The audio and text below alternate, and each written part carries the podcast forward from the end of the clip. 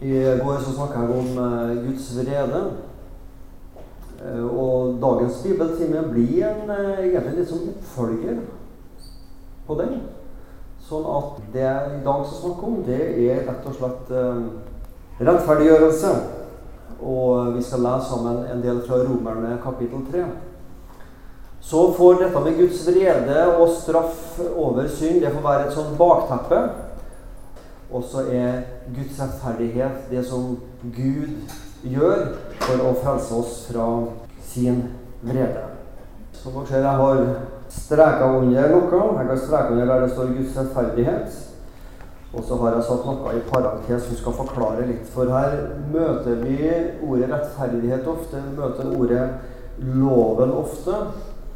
Og dette er et veldig sentralt avsnitt i, hos Paulus. Eh, dette er tung teologi. Men jeg tenker at dette skrev Paulus til noen kristne i Roma som hadde vært kristne kanskje noen veldig få år. Og de måte skjønte det, eller skjønte det så de, Han tenkte at han må i hvert fall skrive sånn at de forstår det. Og veldig mange av oss har levd med Jesus i veldig mange år og kanskje gått på søndagsskole og hatt opplæring. Så eh, det kan virke litt tungt, men samtidig så jeg tror jeg dette er en ting vi trenger å stoppe for og fordype oss i. Så vi skal lese sammen altså Romerne 3, 20-28. Derfor blir ikke noe menneske rettferdiggjort for ham ved lovgjerninger, for ved loven kommer erkjennelse av synd. Men nå er Guds rettferdighet, som loven og profetene vitner om, blitt åpenbart uten loven. Det er Guds rettferdighet ved tro på Jesus Kristus til alle og over alle som tror. For det er ingen forskjell. Alle har syndet og står uten ære for Gud. Og de blir rettferdiggjort uforskyldt av Hans nåde ved forløsningen i Kristus Jesus. Han stilte Gud til skue i hans blod som et soningssted ved troen, for å vise sin rettferdighet fordi han i sin langmodighet hadde båret over med de synder som før var gjort. Ved dette ville Gud vise sin rettferdighet, sin rettferdighet i sin tid, som nå er, så han kunne være rettferdig og rettferdiggjøre den som har troen på Jesus. Hvor er så vår ros? Den er utelukket ved hvilken lov? Gjerningenes lov? Nei, ved troens lov. For vi holder for at mennesker blir rettferdiggjort ved tro uten lovgjerninger. Det fins mange begreper i Bibelen om vårt forhold til Gud, at vi er kristne, vi er tilgitte, vi er hellige, vi er troende, vi er gjenfødt, vi er frelst, vi er Guds venn.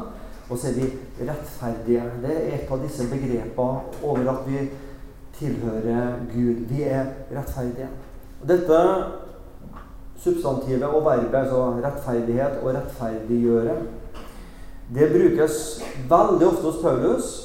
Ca. 50 ganger i Paulus sine brev så, så kommer dette begrepet om igjen. Og Paulus snakker om at vi ved troa blir rettferdige for Gud.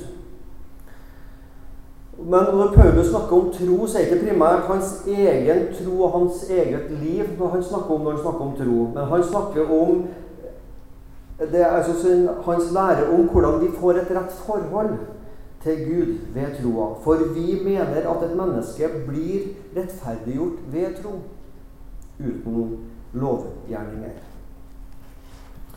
Hvordan kan et menneske komme i ja, Vi mener at mennesker blir rettferdiggjort ved tro uten lovgjerninger. Hvordan kan et menneske komme i et rett forhold til Gud? Det er det store og avgjørende spørsmålet. Ja, det er egentlig det viktigste spørsmålet vi kan stille og få svar på. Hvordan kan du og jeg få et rett forhold til Gud? Og komme i et rett forhold til Gud? Hvordan kan du og meg som syndige mennesker bli akseptert av en hellig og ren Gud? Vi som med vår synd er skilt fra Gud, hvordan kan vi komme i et rett forhold til denne Guden? Det er det avgjørende spørsmålet.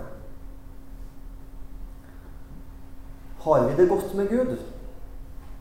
Jeg er sikker på at eh, vi som sitter her, noen ganger har tenkt det spørsmålet Har jeg det rett med Gud, eller har jeg det godt med Gud? Det sies at predikanter før i tida, og da kanskje før i tida, det er ikke for 10 år siden, men kanskje for 50 og 60 år siden, av og til spor folk har det godt med Gud. Oh, ja. Kanskje skulle vi vært mer frimodige til det i dag. Og det er, Jeg skjønner spørsmålet har vi det godt med Gud. Men viktigere enn å ha det godt med Gud, er å ha det rett med Gud. Det er egentlig det samme. Det er bare det at når vi, når vi tenker dette har jeg det godt med Gud, så har vi så lett for å havne i følelser. Føler jeg at jeg har det godt med Gud? Og så begynner vi liksom å granske vår egenhet, hjerte og følelser. Føler jeg at jeg har det godt med Gud? Og så kan det faktisk svinge litt med dagsformen og følelser. Men har vi det rett med Gud? Det er langt viktigere enn å ha det godt med Gud. For å ha det rett med Gud, det handler om et forhold, en relasjon, en tilstand. Å stille seg dette spørsmålet hvordan kan et menneske komme i et rett forhold til Gud? Det er et spørsmål det naturlige mennesket, sånn som du er jeg oss sjøl, det sjølsentrerte, jordvendte, moderne mennesket, ikke stiller av seg sjøl. Men dette spørsmålet begynner vi å stille oss når Gud ved sin Hellige Ånd begynner å avsløre sannheten om meg som et syndig menneske, og om Gud som en hellig Gud. Da begynner dette spørsmålet å bli levende. Hvordan kan jeg få et rett forhold til Gud? Nå mener ikke jeg at vi hver dag Det første vi må tenke på når vi våkner, å, har jeg et rett forhold til Gud i dag? For det er noe som heter frelsesvisshet. Jeg kan vite at jeg har et rett forhold til Gud. Men igjen, som jeg sa i går, av og til må vi ha to tanker i hodet samtidig. Ja, jeg har et rett forhold til Gud. Men på den andre sida, hvis jeg aldri stiller meg det spørsmålet hvordan er mitt forhold til Gud? Kan det være at jeg har kommet på avstand? Kan det være at jeg ikke har forstått riktig Guds høyhet og hellighet? Kan det være at jeg ikke har en skikkelig forståelse av egentlig hvor alvorlig synda er? Anklage. Kjenner du deg anklaga av og til? Ja, det er mange som kan anklage oss når det kommer til synd. Det er det. Djevelen du kan ikke være kristen, du som gjør sånn og sier sånn. Nei, du kan ikke være en kristen. Det er ikke håp for deg, du som gjør sånn. Ja, Du er ikke verdig til å kalle deg en kristen. Det er en av de måtene han liksom setter inn sine angrep på oss. Anklager oss, og av og til faktisk med rette også. Han peker på sannheten om oss, og så anklager han oss. Ja, vi kan kjenne på den der igjen. Vi kan kjenne anklagen fra andre mennesker. Du bør gjøre sånn. Vi forventer, spesielt av deg som kristen og troende, at du er sånn. Hvorfor gjorde du det? Hvordan kunne du som en kristen gjøre sånn? Og så kjenner du anklagen. Det kan være loven, altså Guds lov. Du skal, du skal ikke, gjør, gjør ikke, vær hellig, vær rein, vær fullkommen så kjenner du ja, det er jo akkurat det jeg ikke er i meg sjøl. Og så ditt eget hjerte og mitt eget hjerte kan også anklage oss. Hadde jeg bare ikke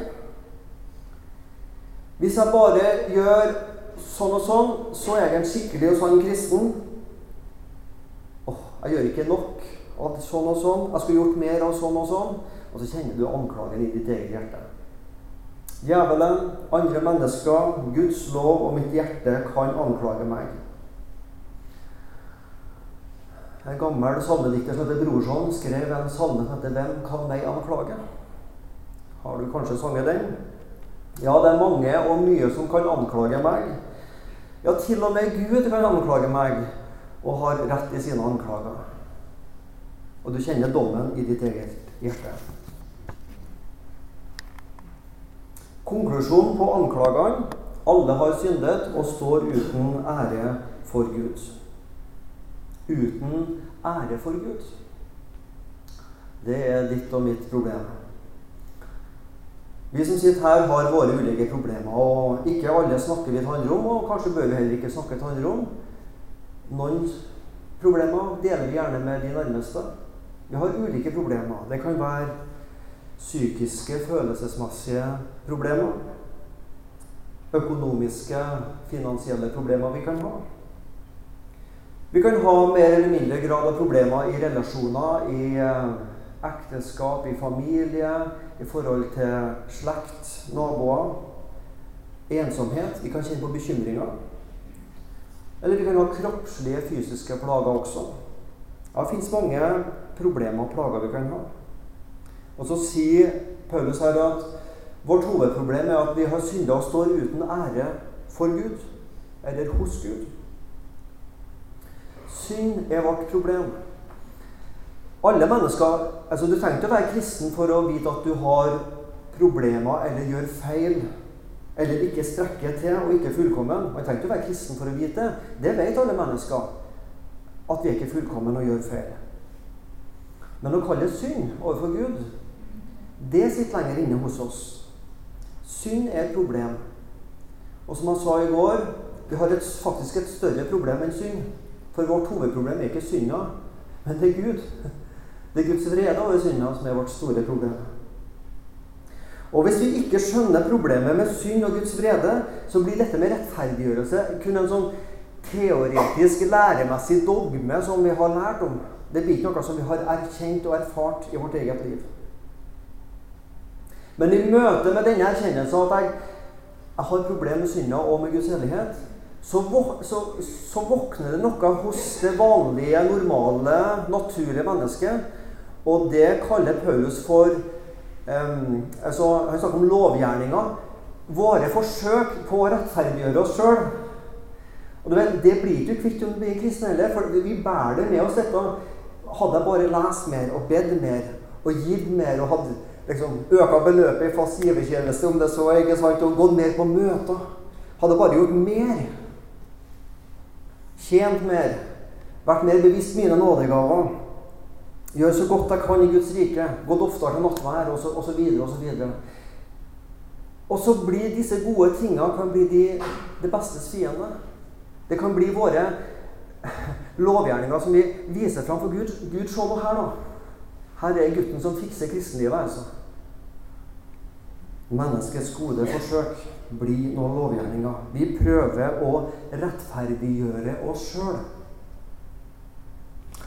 Og Det prøvde også Paulus på. Nå skal vi lese litt fra Filipperne kapittel 3. Så skal vi se hvordan Paulus eh, en stund prøvde å rettferdiggjøre sitt eget kristenliv. Jeg er omskåret på den åttende dag.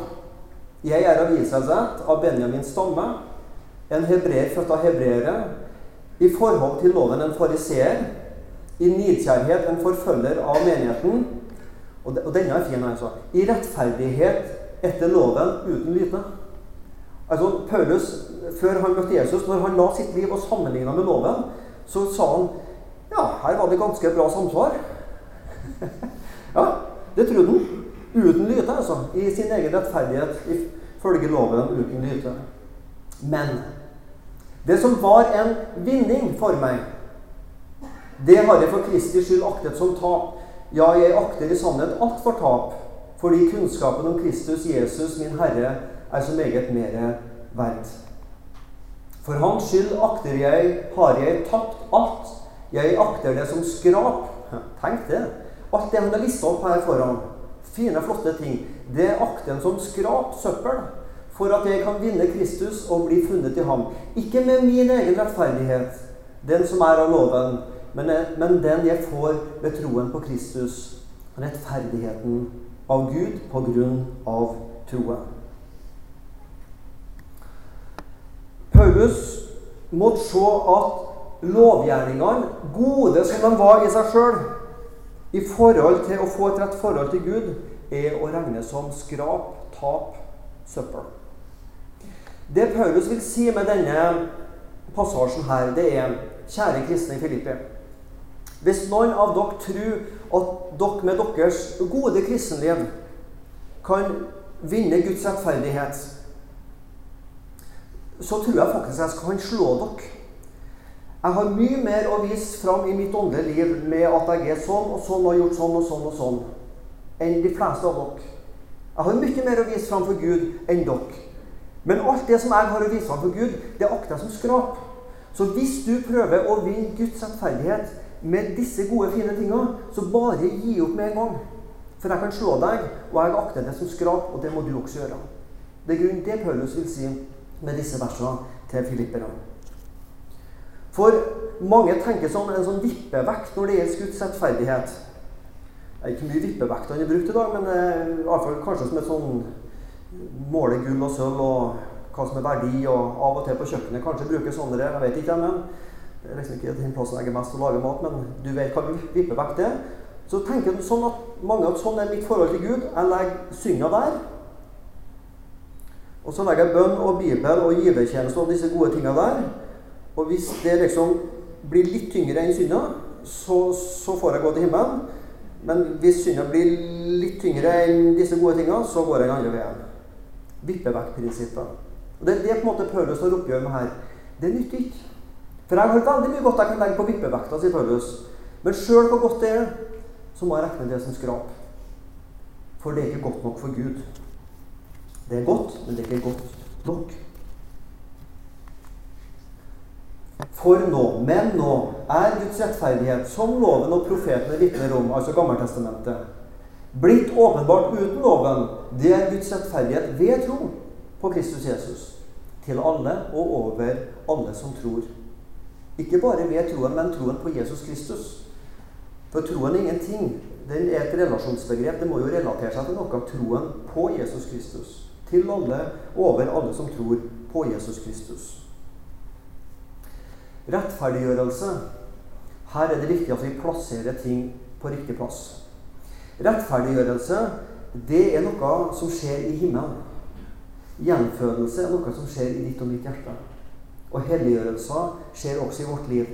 Men rettferdiggjørelser skjer ikke i mitt og ditt hjerte. Det skjer i himmelen. Det er der vi blir gjort rettferdige. Mennesket vil rettferdiggjøre seg sjøl. Vi sammenligner oss. Gjerne med dem som vi syns er dårligere enn oss, for da blir vi sjølrettferdige.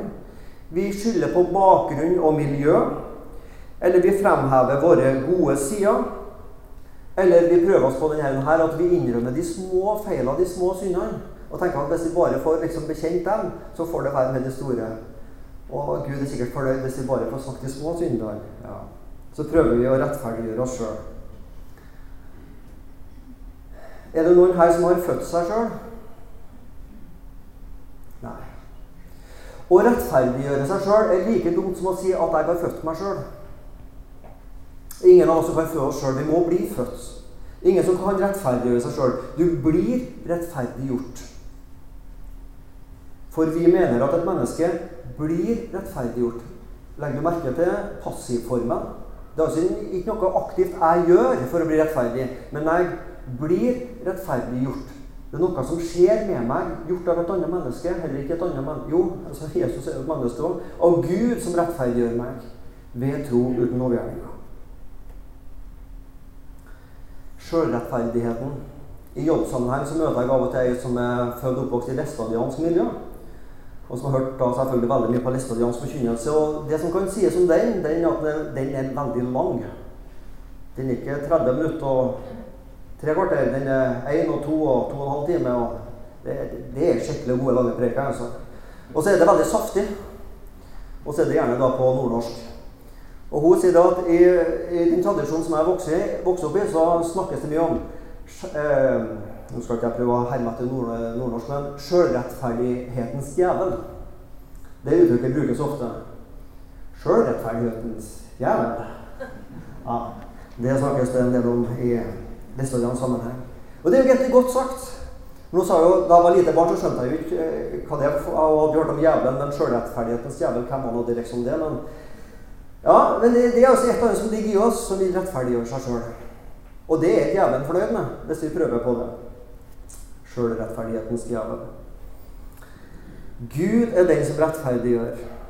Vi blir rettferdiggjort. Og da er det viktige, når det skjer i himmelen, og det er en domshandling, så er ikke rettferdighet noe Det er ikke et DNA, et gen inni meg. Sånn at når jeg blir en kristen, så får jeg et sånn rettferdighetsgen. DNA. Det er ingen egenskap med meg, men det er noe som Gud gjør og har gjort, og som skjer i himmelen. Noe jeg blitt tilregna som mitt, og som i utgangspunktet ikke var mitt. Gud sitter i himmelen og dømmer oss skyldige rettferdige.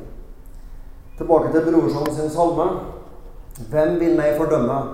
Jesu blodet strømmer senker jeg meg. Gud for alle riker Altså Gud som er Gud over alle riker på jorda, dømmer selv og sier 'denne han er fri'. Sånn tenker jeg om rettferdiggjørelse. Gud sitter på sin gode stol i himmelen, og så kikker han ned på jorda, og så kikker han på meg og sier Sven Anton, du er rettferdig, for du har tatt imot Jesus Kristus. Og så sier han ditt navn. Og så er vi rettferdige. Fordi Gud har dømt oss å være rettferdige. Det er en domshandling.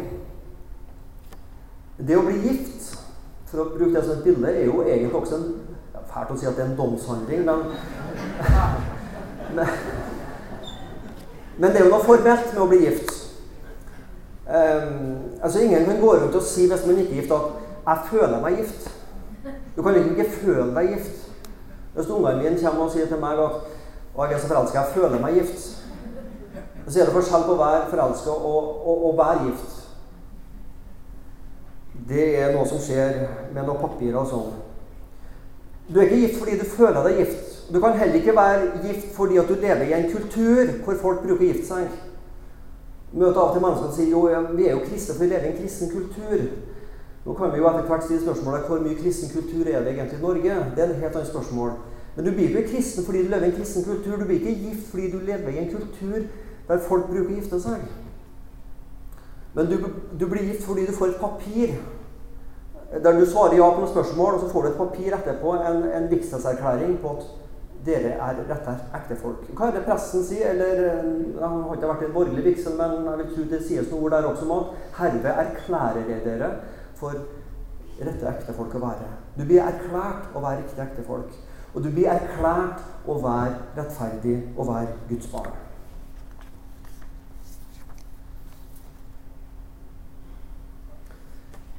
Å bli rettferdig det skjer kun ved Jesus alene.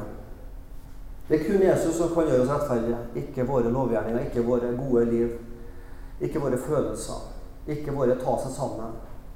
Kun Jesus. For Jesus, han levde det livet som jeg ikke makter å leve. Han døde den døden som jeg fortjente å dø. Og han sto opp til et nytt liv som jeg ikke klarer å skape.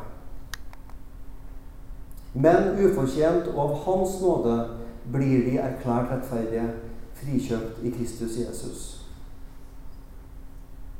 Din syndeskyld er strøket ut. Kong Kristus, mala av Odd Dudvang. Noen av dere kjenner han. Hva er det du og jeg skal gjøre?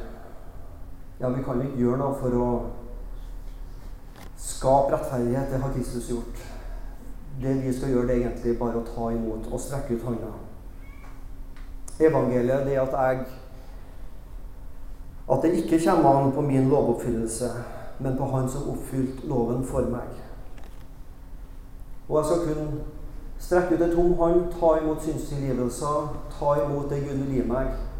Det er troa, det er den hånda som strekker ut og sier det, det, dette trenger jeg, Gud. Dette må jeg bare ha.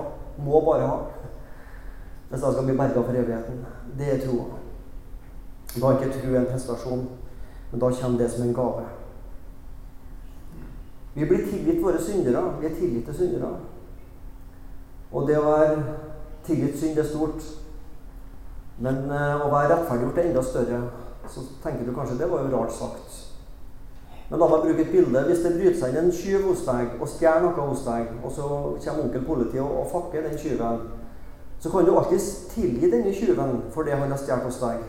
Men jeg tviler på at du tar den inn i din familie og sier at nå er du en del av vår familie fordi jeg har tilgitt deg. Men rettferdiggjørelse, det er tilgivelse. Og så blir du tatt inn i Guds familie i tillegg. Tenk vi som stjal fra Guds ære og rettferdighet. Og så blir vi tilgitt, og så blir vi tatt inn i hans familie. Det er rettferdiggjørelse ved tro. Herre Jesus Kristus, vi takker deg for at dette har du stelt i stand for oss. Og Herre, dette har vi hørt mange ganger. Jeg er så redd for min egen del at dette skal bli to pluss to er lik fire. Dette skal bli en formel, dette skal bli et dogme, dette skal bli et regnestykke som skal gå opp. Jeg tror mange av oss kristne Jesus eh, kan ha et sånt forhold til dette med rettferdighet. Men la oss kjenne Jesus at dette, dette er pulsslaget. Dette er mm, kjernen, hjerteslaget i reformatorisk kristen tro Jesus. Det er din rettferdighet. Ikke bare at du, Gud, er rettferdig, men at du rettferdiggjør den ugudelige. Så kommer vi med vår synd. Og så vil vi ta imot Jesus, rettferdigheten som du ga oss på grunn av ditt blod. Amen.